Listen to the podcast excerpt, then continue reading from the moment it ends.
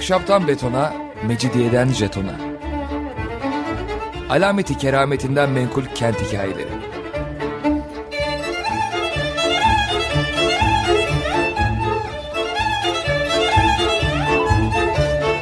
Hazırlayan ve sunan Pınar Erkan.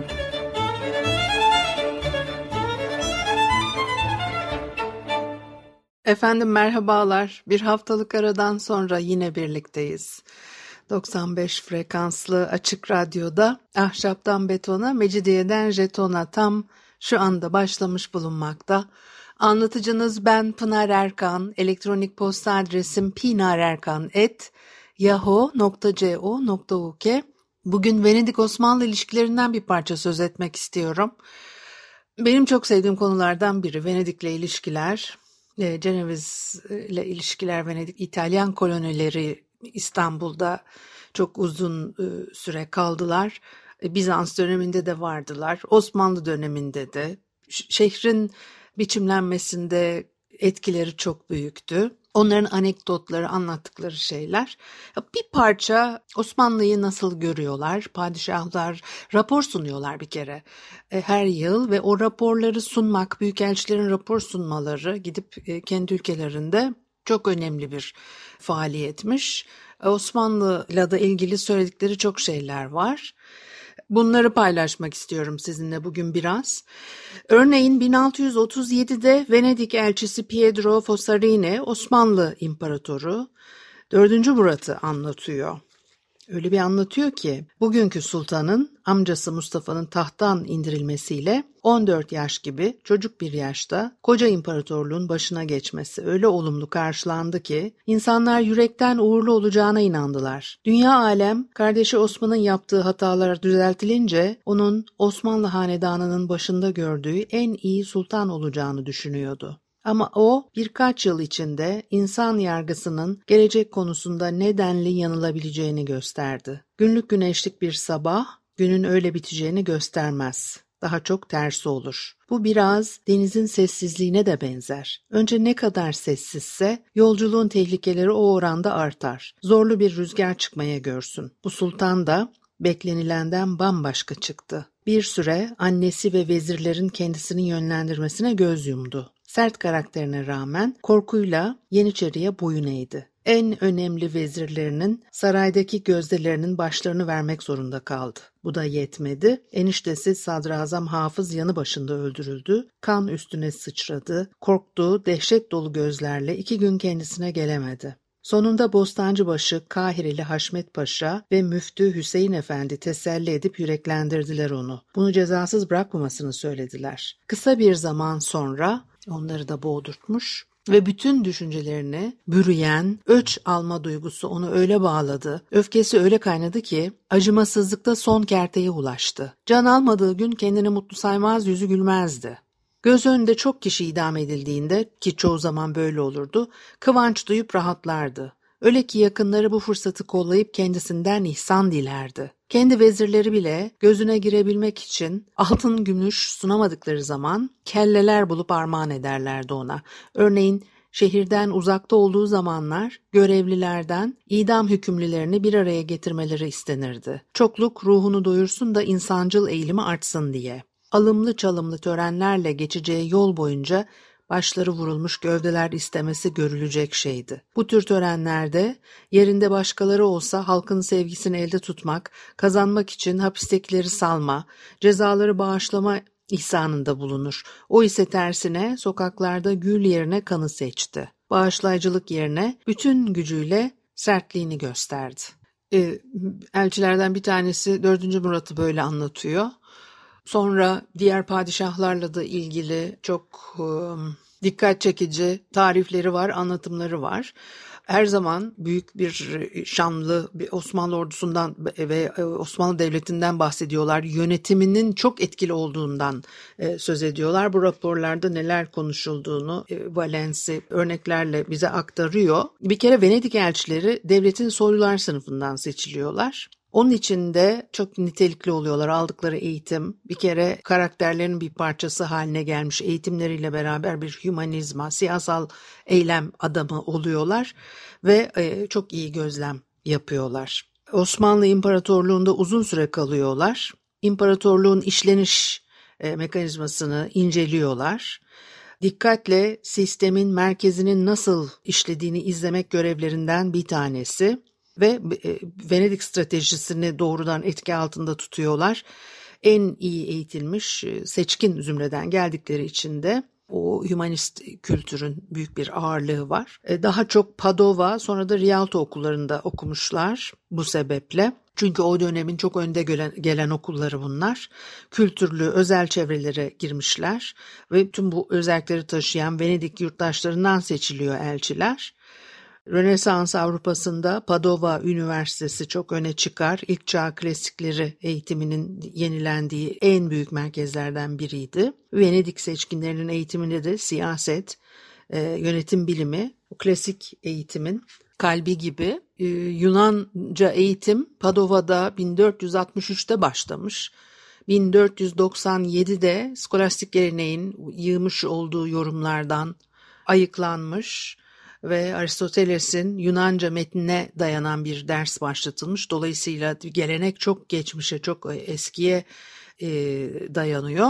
Aristoteles'in politikası senato kararıyla Padova okullarında zorunlu okutulacak kaynaklar arasına e, giriyor daha bu yıllarda. Elbette e, İstanbul'daki Venedik elçilerinin hepsi Padova okulları, e, Venedik Akademisi'nden geçmiş ya da bütün eğitimlerini buralarda görmüş değiller ama büyük oranda bununla karşılaşıyoruz. Bir de bunun dışında bazı örneklerle karşılaşıyoruz. Mesela Beyoğlu'na ismini veren Giritti'den söz edeceğim bir parça.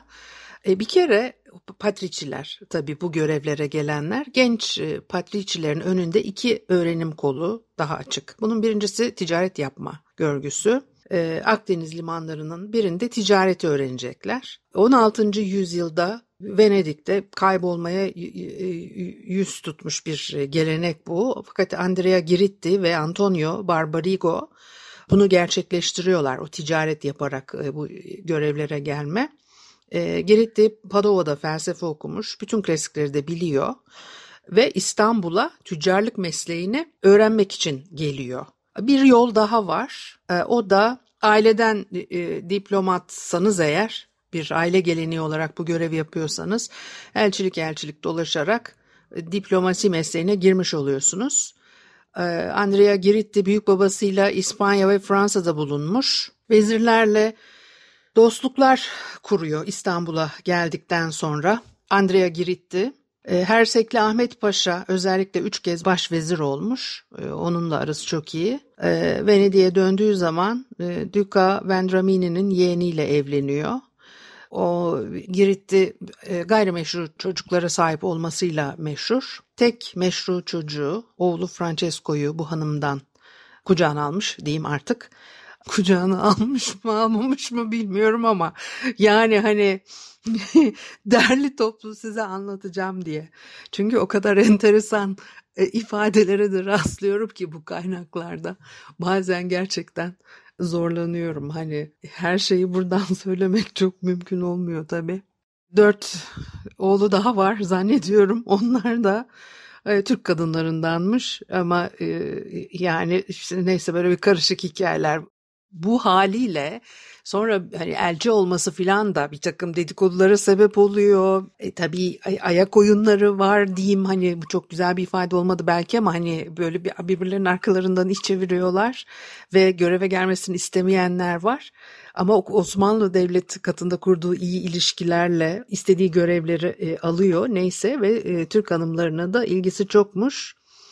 İstanbul'a işte gidiyor geliyor. İstanbul'a döndüğü zaman böyle bir tantanalı yaşam sürüyor. E, ee, 1499'da Venedik'le Babali arasında savaş patlıyor. Andrea Giritti'nin Venedik ordusu şefleriyle işbirliği yapmasından kuşkulanıyorlar ve hapse atıyorlar. Ama o işte saraydaki dostlukları sayesinde e, çıkmayı başarıyor. E, Andrea da Mostra'ya göre e, Sultan Beyazıt da dostları arasındaymış. 1501'de e, serbest bırakılıyor. Ertesi yılda Ali Bey'in e, Sultan adına e, başlattığı barış görüşmelerine katılmak üzere Venedik'e dönüyor. Ve Girit Babali ile barış imzalıyor 1503'te Venedik onu e, görüşmeci olarak göndermiş. Ve ondan sonra da daha önce hani hiç görülmemiş bir şey başarmış olarak e, sefaretnamesiyle birlikte Venedik'e dönüyor. 1523 senesinde Duka seçiliyor. Bu seçime karşı çıkmışlar işte. E, Alberi diyor ki Venedik Giritti'nin ordusunun e, ordunun başında Kamray Birliği Savaşı'na verdiği hizmetleri çoktan unutmuştu ve Venedik'te halk şarkılar yazıyor. Genellikle böyle bir şey protesto edeceklerse veya bir siyasal bir şey anlatacaklarsa ve Giritli ile de ilgili şiirler yazılmış. Orada da Yahudileri Hristiyanlara Hristiyanları tuttuğu kadar tuttuğu ifade ediliyor. Bunlar özellikle e, politik ilişkiler açısından o dönemlerde çok önemli sayılıyor. Yahudileri fazla kayırıyor, Türklerle fazla dost diye beğenmiyorlar. Üstüne üstlük de Türkiye'de gayrimeşru 3 çocuk bırakan birinin e, düka yapılamayacağını söylüyorlar. Böyle büyük olaylar dönüyor o süreçte. Fakat çok da umursamamışlar bunları öyle anlaşılıyor. Hem e, kendisi hem de oğulları.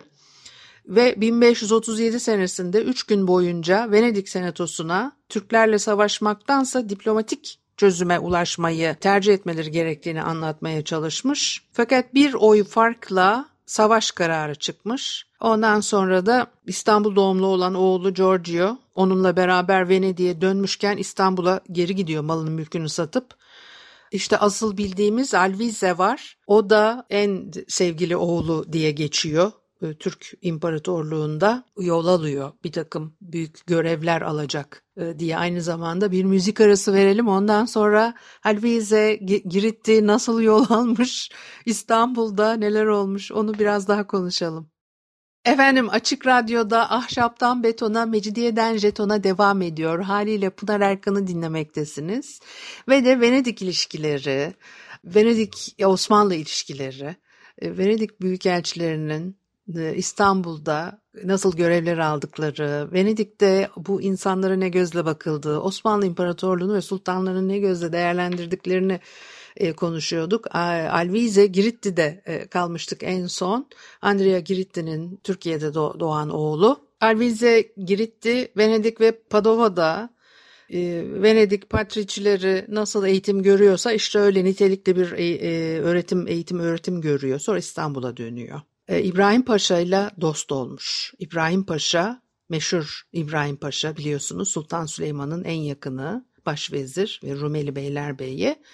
Onunla dost olmuş ve İbrahim Paşa Alvize'ye Beyoğlu ünvanını veriyor. Bugünkü Beyoğlu, İstanbul'daki Beyoğlu semtinin e, isminin e, kaynaklandığı kişi. E, burada bir bağlık bahçelik toprak parçası üzerinde bir sarayı var. O dönemlerde çok gelişmiş bir bölge değil. E, Galata üzerinde Beyoğlu işte bu saatten sonra bu isimle anılmaya başlıyor. Galata dediğiniz yer hatta Pera bu bölgenin bütününü içine alıyor sur duvarları içerisinde Galata bölgesi var ama onun dışında düşünürseniz eğer 19. yüzyılın sonunda e, şehirdeki mezarlıkların şehir dışına taşıyoruz diye Mecidiyeköy'e taşındığını üstüne üstlük de Elme Dağ'dan işte Harbiye'ye doğru yolun açılması da yine 1860'lardan sonra şehir kuzeye doğru büyüyor ama çok yavaş büyüyor. Hem bir taraftan çok hızlı büyüyor bir taraftan da çok yavaş büyüyor. Dolayısıyla 19. yüzyılın ikinci yarısına gelene kadar hep bağlık bahçelik bir alan e, buraları. Zaten biliyorsunuz şehir dışı sayılıyor. 1980'lerin sonuna kadar, 1990'ların başına kadar Kadıköy tarafından İstanbul'a gidiyorum derlerdi insanlar Eminönü'ne gittiklerini anlatmak için. Çünkü gerçek şehrin Eminönü'de olduğu, tarihi yarımadada olduğu algısı, düşüncesi devam ediyordu. E, biliyorsunuz e, çok ciddi bir denizle ilgili sorunlarla uğraşıyoruz. Çok e, yani hemen önlem alınmak için çaba sarf edilmesi gereken bir şeyken çok az etki yaratması, paylaşımların bu konuda tepki verenlerin de çok az e, olması gerçekten ilginç. Ne yapmak e, düşünülüyor? Bu nasıl bir önlem alınması düşünülüyor? Böyle şurada şu binayı yapacağım, burada bilmem neyi açacağım, yok orada kanal yapacağım falan diyene kadar öncelikli olarak deniz salyası e, dediğimiz bu korkunç sonucun çözüme ulaştırılması herhalde gerekiyor. Yoksa o kadar hani deniz deniz dediler. Bütün Karadeniz'de de görülmüş. Ege'ye de inecek. Gerçekten çok e, kaygı verici bir şey. Artık ondan sonra bırak denize falan girmeyi. Denizle bütün bağlantımız e, kopacak herhalde. E, çok ciddi sonuçlar doğuracak e, bir yere doğru gidiyoruz. Şimdi ben nereden geldim buraya? Elvize Girit'te Beyoğlu ünvanını nasıl aldı diye e, konuşurken evet Bağlık Bahçelik bir e, bölge burada yaşıyorlar. Çok gelişmiş bir yer değil. Şehir çok geç e, gelişiyor. Tabii Galata bölgesinde İtalyan kolonileri burada yerleşmişler. işlerini buradan görüyorlar. O e, bağlık bahçelik bölgeler bir kere salgın hastalıklar zamanında bir kaçış yeri olarak kullanılıyor bir izolasyon e, yeri olarak da e, kullanılıyor. Çünkü 19. yüzyılın sonlarına gelene kadar zaten böyle bir ciddi resmi çaba yok. Eğer siz kişisel çabalarınızla salgın hastalıktan ve varlıklıysanız işte kaçarak kendinizi izole ederek kurtulabiliyorsunuz. Onun için Galata ve Beyoğlu bölgesi de bu anlamda İstanbul içerisinde kullanılan yerlerden bir tanesi ama şehir çok geç Yoksa her yer baktığınız zaman eski fotoğraflarda da bağlık bahçelik. Ve Alvize'nin e, Beyoğlu'na bu ismi vermesi de bu şekilde mümkün oluyor. Çünkü orada o az e, sayıdaki yapı içerisinde onun varlığı, sarayının varlığı önemli bir etki yaratıyor. Şimdi ona e, Beyoğlu ünvanı verilmiş. Sultan Süleyman'ın mücevherci başısı oluyor. Büyük bir servet yapıyor. Maiyeti ve sarayı var. Ve binden fazla insanı da geçindiriyormuş. Çok büyük bir mahiyeti var. Bir prens gibi yaşıyor. E, Türk prensi dersiniz, Venedik prensi dersiniz. Babası Türkçe konuşuyor. E, o İtalya'daki eğitimini eski Yunan-Roma klasikleri arasında e, görmüş. Alvize Osmanlı kültüründe kendini çok rahat hissediyor. Orası net. O sultandan önce bir Macaristan e, dükalığı geliri alıyor. Türklerle birlikte Macaristan seferine ve Viyana kuşatmasına gidiyor. Ee, babası Venedik Cumhuriyeti'nin başında ve o e, Osmanlı çıkarlarını savunuyor. 1530'da Romanya kralı karşısında bu da savunmasında Türk ordusuna kumanda ediyor. Beyoğlu yapıyor bunları hep. Moldova ve Transilvanya'da 1530'lu yıllarda yani Eflak Boğdan ve Erdel bugün e, yani neyse e, Türkçe karşılıkları 3000 kişilik bir orduyu yönetmiş. E, fakat bu sırada Transilvanya'nın isyancıları onu ele geçiriyorlar, esir düşüyor ve başını vuruyorlar. Babası Düka'yı oğlunun ölümü çok etkilemiş. Yani o 1506 senesinde daha önce meşru olan oğlu ölmüş. Ondan daha çok Girit diye üzüldüğü geçiyor kaynaklarda.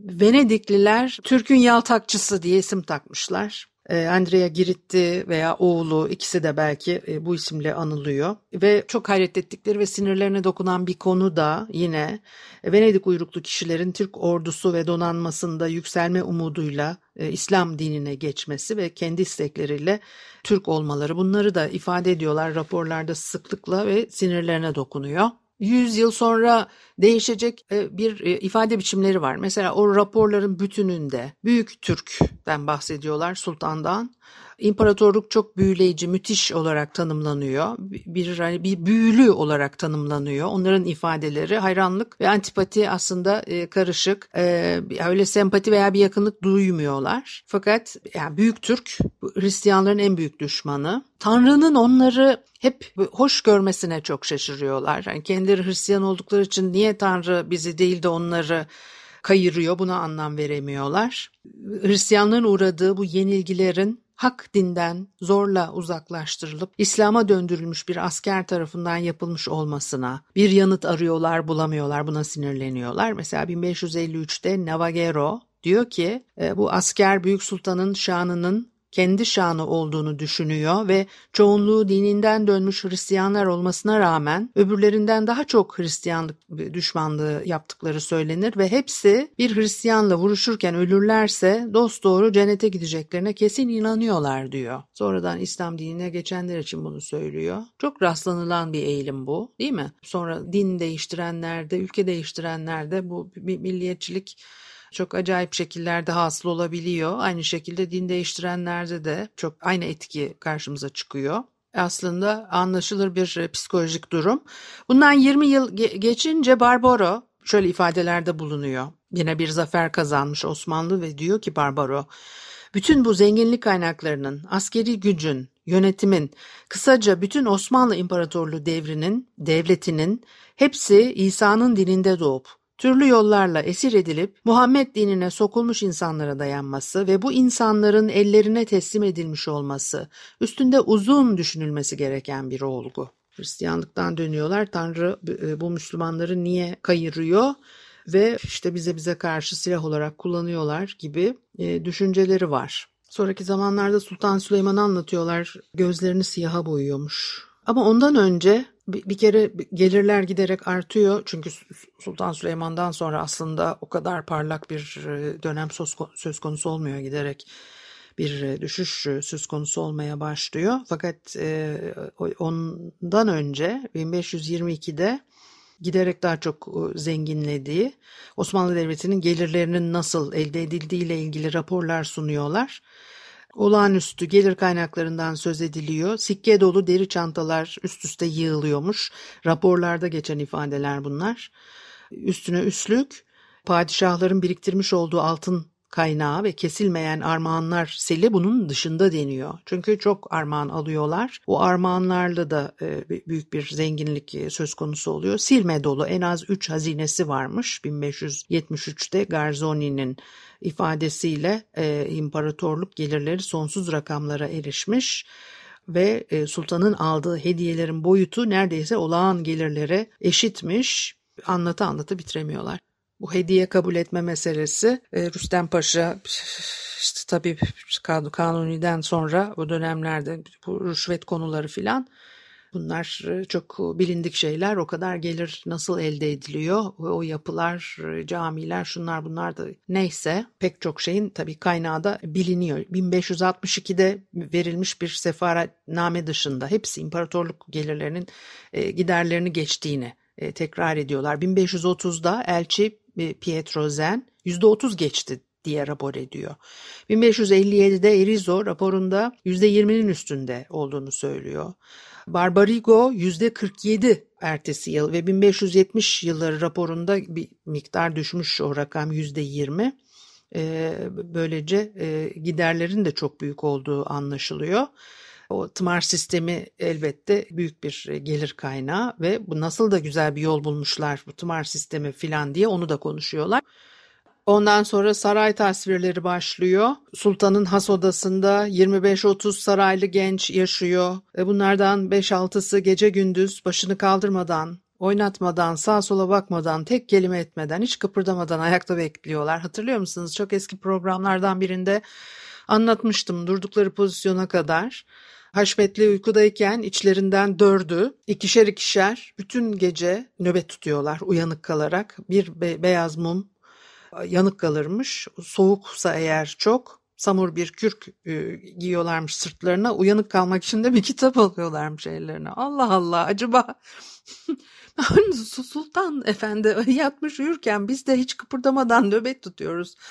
Bu gece hangi kitabı okusam acaba mı diyorlarmış. Ne, ne türden bir kitap alıyorlarmış. Sefaretname raporlarında geçiyor ya bu anlatımlar gerçekten çok meraklı e, bir şey uyanık kalmak için e, okudukları kitaplar. Neyse bunları anlatmıştım. Biraz da vaktimiz de doldu herhalde. Bu haftalıkta bu kadar olsun. Haftaya görüşene kadar hoşçakalın.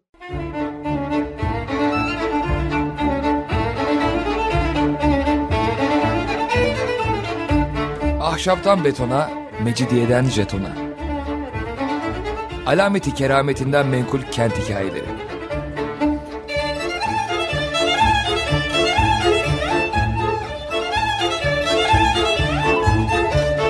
Hazırlayan ve sunan Pınar Erkan